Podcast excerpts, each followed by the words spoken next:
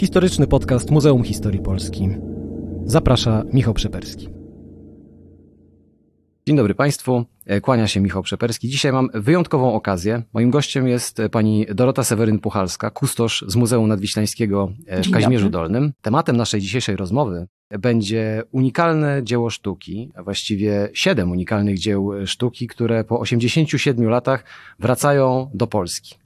Odbyła się w Nowym Jorku wystawa światowa. W pawilonie polskim tej Mm, tej światowej wystawy było wyjątkowe pomieszczenie, w którym znalazło się siedem wielkoformatowych obrazów przedstawiających historię Polski od y, roku 1000 do 1791.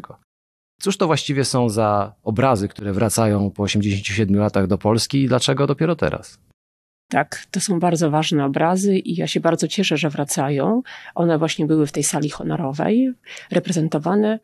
Było ich siedem. Malowało 11 artystów z grupy Bractwo Świętego Łukasza.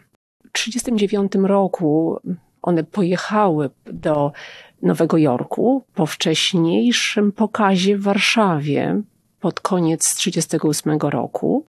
Różnie krytyka pisała na temat tych obrazów, ale one reprezentowały Polskę, między innymi w tej sferze sztuki, bo przypomnijmy, że wystawa światowa w Nowym Jorku to nie tylko sztuka, ale technika, nauka. Właściwie to jest taki bardzo szeroki zakres. To było naturalne, ponieważ te wszystkie wystawy światowe w okresie międzywojennym i nie tylko międzywojennym, od XIX wieku, reprezent, właściwie pokazywały taki szeroki zakres można powiedzieć, cywilizacyjny, a przede wszystkim chciały pokazać rozwój. I ta wystawa mm, miała taki tytuł Świat jutra. Polska jakby wkroczyła, była 57 krajem, który y, do tej wystawy się zapisał. Powstał pawilon. Pan profesor Olszewski właściwie bardzo tutaj pozytywnie pisze o architekturze y, tego pawilonu. No i zaproszono właśnie tych artystów czyli Bractwo Świętego Łukasza. I e, artyści ci mm, właściwie mm, mieli pewien temat zadany. To jest niezwykle ważne, że ten temat był zadany, ale zadany przed specjalną komisję ponieważ żeby doszło do tego pokazu, y, no wcześniej musiano ustalić y, program, co się pojawi na tej wystawie, y, kto będzie reprezentował. Były różne komisje, które, które jakby wybierały i artystów, ale też ta strona naukowa, więc to zostawmy, ale zajmie się tą komisją artystyczną. Ta komisja artystyczna była bardzo zacna, bo był tam profesor Lorenz, Mieczysław, doktor Mieczysław Treter, byli też artyści. I co ciekawe, byli to artyści, którzy byli w trochę takiej opozycji, może później powiemy o tym, takiej opozycji do Pruszkowiaków, czyli e, kapiści, no, przede wszystkim Jan Cybis, ale też Tytus Czyżewski, który bardzo niepochlebnie pisał o mm, właśnie Łukaszowcach wcześniej. E, no i, i ta, ta, ta właśnie komisja postanowiła, że będzie to obraz sztuki pokazującej historię Polski, taką, no, taką świetność y, Polski, e, ponieważ no, pamiętajmy, że mm, Polska odzyskała niepodległość w 1918 roku.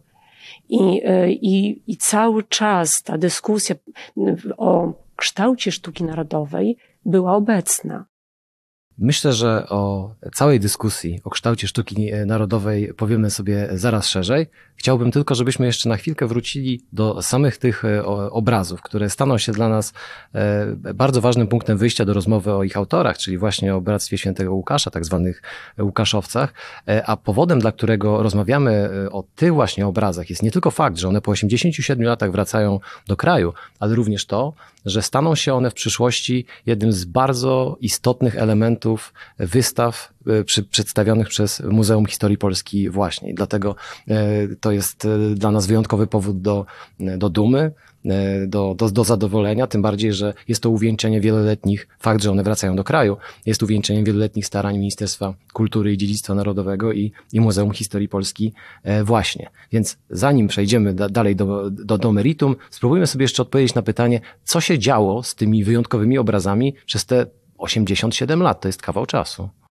W 1940 roku wystawa światowa się kończy. Wiemy, że wybucha w 1939 wojna, więc one naturalnie nie wracają do Polski komisarzem, takim tak zwanym wielkim komisarzem e, tej, no, tej wystawy, ale w ogóle tej, tej części artystycznej jest e, Stefan Rob, profesor Stefan Rob, który pozostaje w Stanach Zjednoczonych i on na razie ma u siebie te obrazy do 58 roku. W 1958 roku przekazuje te obrazy do kolegium jezuickiego w Syracuse w Stanach Zjednoczonych i też tam pracuje, więc to jest jakby naturalne, tam podejmuje pracę i przekazuje e, te obrazy, ale też podpisuje umowę darowizny. Te umowy powiela kilkukrotnie, przedłuża właściwie e, tę umowę. Się, no, wiemy, że to jest darowizna, ale ona jest przedłużana. Także kolegium jezuickie ma te obrazy właściwie na własność. E, I parokrotnie już próbowano odzyskać te obrazy, ale no nie są to straty wojenne to są prace, które tam pojechały, zostały podarowane e, właśnie kolegium. One wisiały w bibliotece, więc nie były gdzieś schowane w magazynie. One były wyeksponowane, więc każdy czytelnik, który był w, tym, w tej bibliotece, mógł na nie patrzeć i podziwiać. Także y, no, starano się parokrotnie już e, odzyskać te obrazy. Tak jak mówię, sprawy własnościowe utrudniały ten proces odzyskania i no, teraz bardzo się cieszę, że one mogą wrócić do Polski.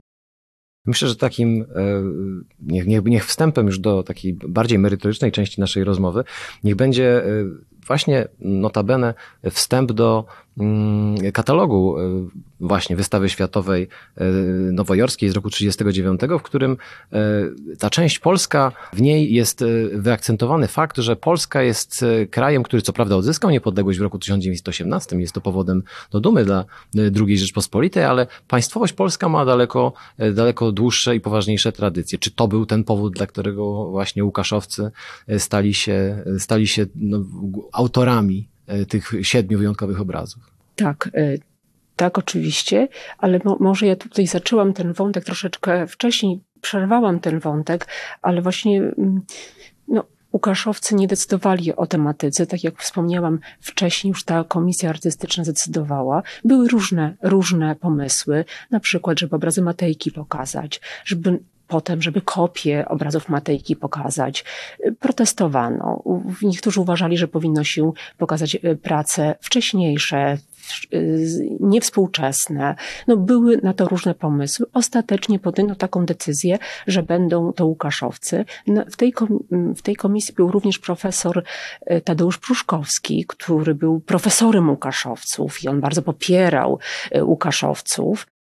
Także jego poproszono o to, żeby przekazał im to, że, e, że to oni namalują te, obra te obrazy. Najpierw mieli wykonać szkice do tych obrazów. E, te szkice potem ta komisja oceniała. No, różniąc się w opiniach, czasami były to też opinie e, krytyczne, ale ostatecznie to właśnie Łukaszowcy namalowali te obrazy. I jeszcze jedna rzecz, to znaczy mm, jeżeli chodzi o tematykę, również zebrała się oczywiście komisja składająca się z, z, historyków, naukowców, którzy mieli wybrać odpowiednie tematy. No i no, naturalnym było, że mm, chciano połączyć jakby tradycję z nowoczesnością. To był też taki klucz do tej, do tej wystawy światowej. Pokazujemy tradycję w sposób nowoczesny. I, e, I tą tradycją miała być historia, pokazana w sposób plastyczny. Oczywiście od tych, taki, od tych najwcześniejszych jakby dziejów Polski i trochę taki klucz znaleziono, że y, kilka tych tematów będzie dotyczyło takiej Polski na arenie międzynarodowej, a też w pewien sposób y, te trzy obrazy, też trzy obrazy pokażą taką demokratyzację Polski. I e, no, zaczęto od tego, e, jak przywitania Ottona III przez Bolesława Chrobrego, który zmierzał do grobu świętego Wojciecha w Gnieźnie e, była odsiecz, Więdnia, była Unia Lubelska. No, to są te, to jest ta scena międzynarodowa, ale też no, była, był obraz poświęcony Konstytucji 3 maja. Po, po, też był poświęcony toler tolerancji religijnej, prawda?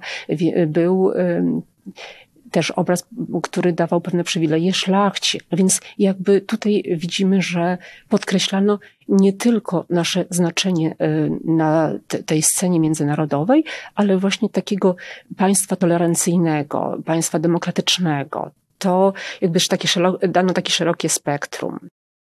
Łukaszowcy y, mieli bardzo mało czasu na to, żeby namalować te prace. I teraz Aleksander Jędrzejewski, jeden z tych artystów, zresztą napisał w kurierze bydgoskim, on wtedy mieszkał w Bydgoszczy, o tym, że no jest to było niezwykłe wyzwanie, ale mają właśnie ten termin jest tak krótki, że zamalowanie dla jed, jed, przez jedną osobę byłoby to wręcz niemożliwe.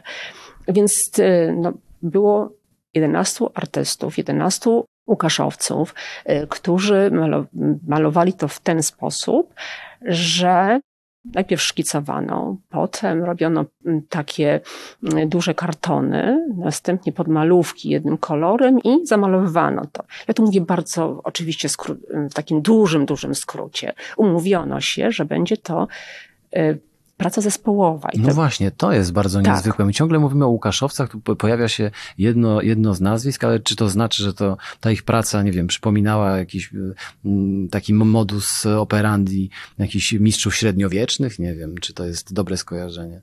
Tak, bardzo dobre. To, to znaczy ja zresztą już e, ta nazwa Bractwo Świętego Łukasza nakierowuje nas, prawda, na, na te cechy średniowieczne.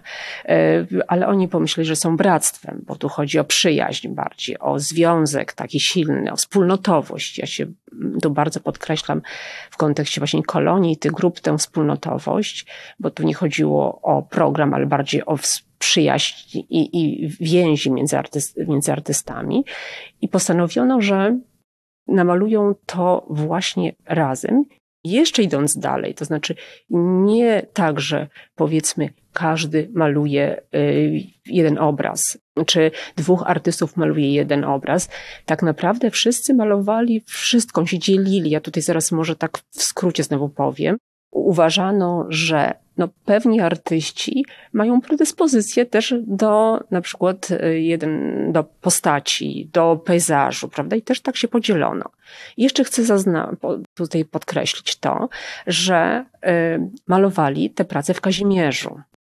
Y, dlatego, że y, w Kazimierzu w, wstanął dom ich, ich profesora Tadeusza Pruszkowskiego y, na wzgórzu i to był 38 rok.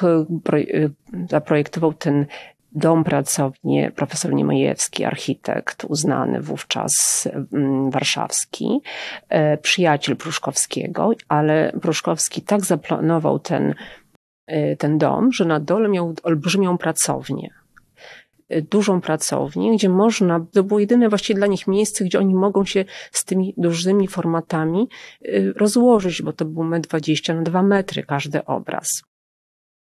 Więc wszyscy pojechali do Kazimierza, do pracowni y, Pruszkowskiego i tam malowano.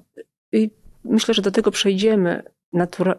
Kazimierz był dla nich bardzo naturalnym miejscem, do którego po prostu przyjeżdżali od wielu lat. I ta wspólnotowość też była dla nich bardzo naturalna. były różne próby. To znaczy, próbowano właśnie najpierw malować oddzielnie, ale okazało się, że tutaj widać pewne takie indywidualności. Nawet komisja zarzucała e, tej grupie, że zbyt to jest, te cechy indywidualne wychodzą, a jednak te prace muszą być ujednolicone, nawet stylistycznie. E, też przeprowadzona to była olbrzymia kwerenda w archiwach, przejrzano numizmaty, y, po to, żeby określić mm, wygląd historycznych postaci, ubrania. To wszystko no, przeprowadzono wręcz naukową kwerendę i na tej podstawie potem też malowano, prawda? To znaczy tutaj y, czerpano z tego źródła, z tych źródeł. No i właśnie y, był pewien, pewien podział, y, który na przykład Antoni Michala, tutaj pojawią się nazwiska, bo ich jest, tych artystów było 11, nie będę tutaj po kolei wymieniała, ale na przykład Antoni Michalak malował postaci, on znakomicie malował postaci, i takie właśnie nawiązujące do wczesnego renesansu. Co potem im zarzucono, że właściwie układ tych postaci ma coś z tych obrazów z wczesnego renesansu włoskiego. Mm, Jędrzejewski, Aleksander Jędrzejewski malował pejz pejzaż. Artyści, którzy podjęli się i którzy, malo, którzy e, malowali te obrazy, to Bolesław Cybis, e, no wcześniej Antoni Michalak, Aleksander Jędrzejewski, mm, Mamy też Estewana Płużańskiego, który e, no, jest trochę mniej znanym pruszko, e, pruszkowiakiem czy Łukaszowcem, bo ja potem też powiem o tej różnicy. E, mamy również tu Eliasza Kanarka, który potem pozostał, tak jak Bolesław Cybis, w Stanach Zjednoczonych, bo to oni pojechali do Nowego Jorku razem z obrazami i właściwie wojna ich zatrzymała w Stanach Zjednoczonych tam pozostali. Bernard Fredrysiak y, który też jest troszeczkę zapomniany, bo on również wyjechał potem do Stanów Zjednoczonych. To jest, to jest też bardzo ciekawa postać. Y, w Muzeum Nadwiślańskim jest bardzo duża spuścizna po Fredrysiaku. Y, także tu mamy no, całą, całą plejadę, to trudno wymieniać tych wszystkich artystów, którzy też troszeczkę są teraz zapomnieni, a szkoda o tym, dlaczego są tacy zapomnieni i czy to ma szansę na swoją zmianę, jeszcze y, porozmawiamy, wrócimy do tego, bo to jest, bo to jest bardzo ważne. Y, choćby dlatego, że jak sądzę, wiele z tych nazwisk, być może poza Cybisem właśnie, y, które pani wymieniała, one właściwie nie funkcjonują w jakimś szerszym obiegu, nie, nie przeczytamy o nich, no nie wiem, w, w podręcznikach szkolnych choćby. Jeżeli pani pozwoli, to chciałem w tym miejscu zapytać jeszcze o E, myślę, to co mi się wydaje motywem, dla którego to Łukaszowcy akurat zostali wybrani na wykonawców e, tych malowideł na, na wystawę światową, ale może zresztą, zresztą nie mam racji. E, to znaczy, czy to jest tak, że ich malarstwo było w jakimś stopniu wyjątkowe, w czymś różniło się w taki wyraźny sposób od dominujących nurtów, jeżeli w ogóle możemy o takich mówić w dwudziestoleciu, bardzo synkretycznym przecież skądinąd. Czy jest tak, że no nie wiem, prezentowali jakąś wyjątkowo awangardową wyjątkowo tradycjonalistyczną szkołę ci Łukaszowcy. Łukaszowcy byli uważani za tych artystów y, tradycyjnych. Byli realista, realistami czy, no, czy neorealistami, tak jak y, też się podaje w y, publikacjach. Z tym, że to było naturalne, że wybrano tę grupę, y, która no, była grupą e, właśnie potrafiącą w ten sposób malować e, i te, tą grupą, którą interesowała tradycja. E, ale to już znowu spłaszczamy troszeczkę. Znowu ja próbuję, jak widzę, wciągnąć tę grupę w taki tra tradycyjny nurt bardzo, ale też chcę podkreślić, że tak jak wiemy z, z ich wypowiedzi, to był temat zadany. E, narzucony im. I, pro, I teraz, jak przejrzymy tak naprawdę ich dorobek twórczy, nie zobaczymy, e, nie zobaczymy tam tematów historycznych. Oni się zupełnie odcinali od tematów historycznych. No, właściwie Aleksander Jędrzejewski, będąc w Bydgoszczy, no, namalował właściwie jeden obraz taki, który można nazwać obrazem historycznym, ale nie o to im chodziło. I tutaj niezwykle ważną postacią, nie można jej pominąć, jest profesor Tadeusz Pruszkowski. Ich mentor, e, taka ciekawa osobowość, która niezwykle na nich wpłynęła. I, mm, I tu Tadeusz Pruszkowski mówił im tak, musicie mieć świetny warsztat nawiązujący do tradycji, do tego malarstwa e, dawnego, ale malarstwo ma być nowoczesne. I narod, no powiedzmy, sztuka polska to jest e, sztuka nie poprzez, pokazywana poprzez tematy narodowe, ale poprzez uchwycenie pewnych cech. I bardzo ciekawe, że Tadeusz Pruszkowski za taką cechę narodową polską uważał melancholię. I zresztą sam namalował obraz, który zatytułował Melancholia. Oczywiście jest to postać, postać kobiety. Zresztą jak przejrzymy mm, te portrety, y, przede wszystkim kobiece Pruszkowskiego, to widzimy, że one właśnie tej melancholii mają niezwykle dużo.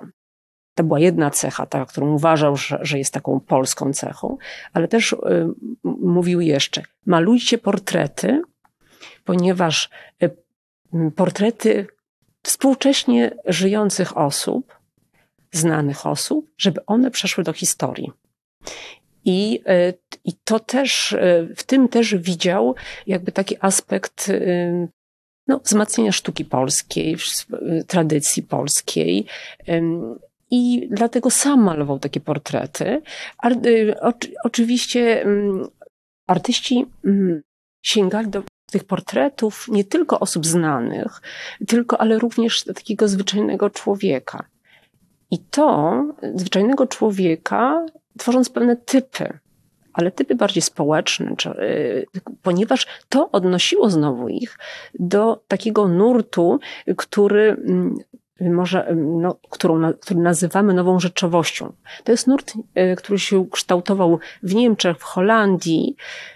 I teraz no, musimy, y, musimy w ten sposób spojrzeć na Łukaszowców. Nie jako tych, którzy no, gdzieś byli na marginesie tej sztuki rozwijającej się. Teraz popatrzenie na tę grupę artystyczną zupełnie z innej perspektywy, europejskiej, właśnie nowego, nowej, nowej rzeczywistości, czy na przykład, nie zapominajmy, że e, grupa ta artystyczna, między innymi ta, ci artyści brali udział w wystawie sztuki polskiej w Talinie w 1934 roku, gdzie byli bardzo dobrze oceniani, porównywali z estońskimi artystami, właśnie też wpisanymi w taki nurt. Tutaj jest bardzo cenna pozycja pani profesor Ireny Kosowskiej, która o tym pisze i która troszeczkę właśnie już inaczej pisze o Łukaszowcach pokazując właśnie tę wystawę i zestawiając z tymi artystami estońskimi. Ale też nie zapominajmy, że w 1934 roku również Łukaszowcy biorą udział w Biennale Sztuki w Wenecji. Więc są obecni szerzej i są przez krytykę dobrze oceniani, właśnie jako ci, którzy wpisują się w pewien nurt trochę się już awangarda skończyła w Europie. To w też połowie lat 30. 20. Mhm. tak. I, nie zapominajmy o, o, tym. U nas ta awangarda, taki, ten wybuch awangardy to jest lata 20. Strzemiński yy, przyjeżdża do Polski, Starzewski yy, i cała ta grupa awangardowa yy, jest obok, obok y, tej grupy Łukaszowców.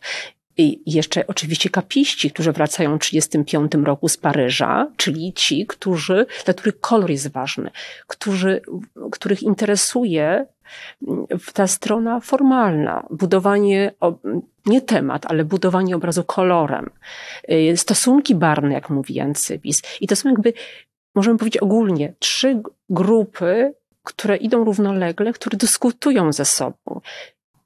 Y, Józef Czapski no, czołowy kapista, y, piszący również, w sposób krytyk, pisze esej, który nie zostaje publikowany, ale potem on o tym wspomina. My wiemy, że pisze esej o tym, że e, właśnie y, Łukaszowcy bardzo dobrze, że się pojawili, że taka sztuka się pojawia, że potra nie potrafili się obronić, yy, nie potrafili się teoretycznie obronić, że yy, właściwie zmierzali w dobrym kierunku.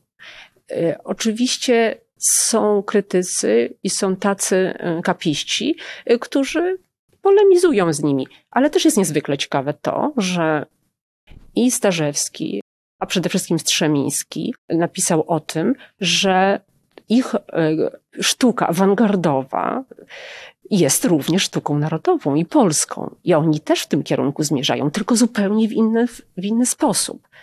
Jan Cybis, kiedy zarzuca mu się, że maluje z francuska, że jest artystą, który e, zapatrzył się na Cezana i, i, i postimpresjonistów e, i nic nowego nie wnosi, to on mówi, ale jak wróciłem w 1931 roku do Polski i, i maluję pod polskim niebem, to znaczy, że to jest sztuka polska.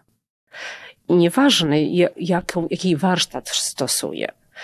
Więc proszę zobaczyć, prawda? I wtedy, kiedy ale też jest ciekawe, że kiedy pokazują poza granicami kraju artyści, czasami wspólnie, ta sztuka Łukaszowców jest dobrze oceniana.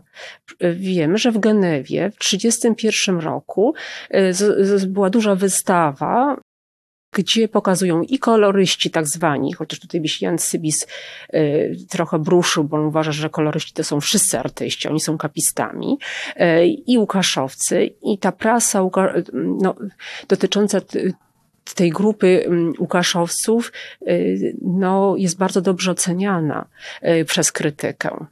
A Oczywiście to zawsze, tutaj też to trochę generalizuje, no bo zawsze są, ale ja mówię o, ty, o, tych, o tym procencie, prawda? A właśnie kolorystom się zarzuca zapatrzenie na Francję. Y, I teraz mm, taką ciekawostką jest to, że wtedy właśnie zostało dużo obrazów kupionych mm, w tej galerii po wystawie.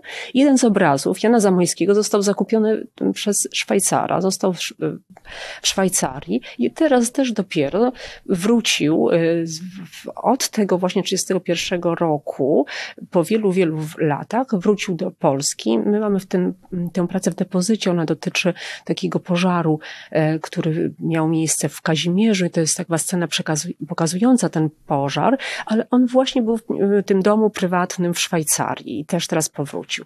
Więc rozumiem, że to jest prasa, która jest do zobaczenia w e, Muzeum Nadwiślańskim w Kazimierzu. Była prezentowana przez chwilę, dopiero od lipca znowu będzie prezentowana. I teraz e, proszę zobaczyć, są te trzy nurty jakby w, w, tej w sztuce polskiej. No jest ta ogromna dyskusja na temat sztuki narodowej, polskiej. Ja też chcę, chcę powiedzieć, że mm, pod słowem narodowa różne, różnie można ją interpretować. Chodziło o to, że po odzyskaniu niepodległości naturalnie odbywała się dyskusja na temat sztuki polskiej, jaki ona kształt ma przyjąć. I teraz y, profesor Tadeusz Pruszkowski, który został profesorem nowo otwartej y, Szkole Sztuk Pięknych, bo to nie jeszcze nie Akademia, tylko Szkole Sztuk Pięknych. Y, on wówczas, gdy został profesorem w tejże Szkole Sztuk Pięknych, no, zebrał grupę uczniów, studentów, zebrał, czy po prostu no, był, byli u niego w pracowni, y, którzy mm, no, stworzyli bardzo taki partnerski, wręcz takie partnerskie relacje z profesorem. I to jest niezwykle, ten początek jest niezwykle ważny, dlatego że, mm, dlatego, że niektórzy byli bardzo młodzi, dopiero zaczynali te studia. Niektórzy, jak Antoni Michalak, już studiowali u Konrada Krzyżanowskiego, jak Bolesław Cybis, który studiował w Charkowie i e, tam stworzył mm, Związek Siedmiu, który miał e, który malował tak bardziej kubizująco, więc miał zupełnie na początku swojej drogi, wszystko miało zupełnie inny charakter. I, mm, I oni się spotykają tutaj w pracowni Pruszkowskiego. No i teraz też naturalną koleją rzeczy jest to, że e, jeździło się na plenery. To znaczy na, e, Akademia jeździła na plenery i od początku właściwie tą, tym miejscem plenerowym był Kazimierz, jeszcze przed wojną. Szkoła Sztuk Pięknych powstała w 1904 roku.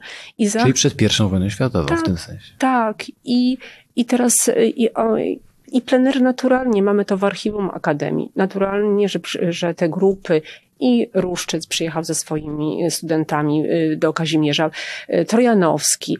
I naturalne, że Pruszkowski doskonale widział, że takie miejsce tutaj jest, jak Kazimierz. Zresztą on był uczniem Konrada Krzyżanowskiego, z nim jeździł do, do Zwierzyńca. I po, po prostu poprosił swoich studentów, żeby zobaczyli, czy teraz po 23 roku ten Kazimierz nadal się nadaje do takiego miejsca plenerowego. Okazało się, że tak i właściwie zaczęli tu przyjeżdżać co, co roku na mm, plenery, ale się okazało, że nie tylko na plenery, bo oni zostawali tutaj e, całe miesiące i kontynuowali tę tradycję kolonii artystycznej.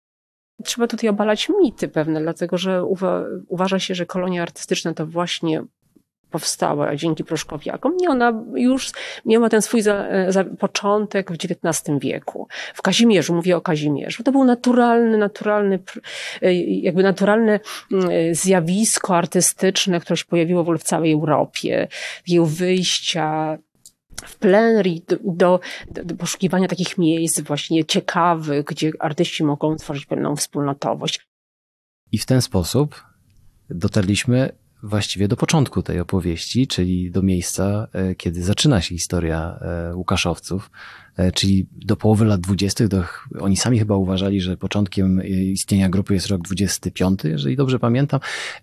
Istnienie grupy skończyło się wraz z rokiem 39 i wybuchem II wojny światowej, tak przynajmniej jest przyjęte, tak przynajmniej jest przyjęte mówić. To fascynująca historia, której wysłuchaliśmy w gruncie rzeczy o tworzeniu się pewnej, pewnego pomysłu na sztukę narodową, pewnego e, pomysłu na interpretację polskości i takiej próby, e, no siłą rzeczy niezwykle trudnej i pewnie nie do końca mm, satysfakcjonującej dla wszystkich, ale łączenia tradycji z nowoczesnością. Kiedy dochodzimy do tego ostatniego punktu i do tego roku 39 i patrzymy po 87 latach na wracające do nas wyjątkowe obrazy, które wejdą w, w skład kolekcji Muzeum Historii Polski, to Właściwie trudno nie zadać sobie jeszcze jednego pytania. Dlaczego Łukaszowcy dzisiaj są tak e, bardzo mało znani?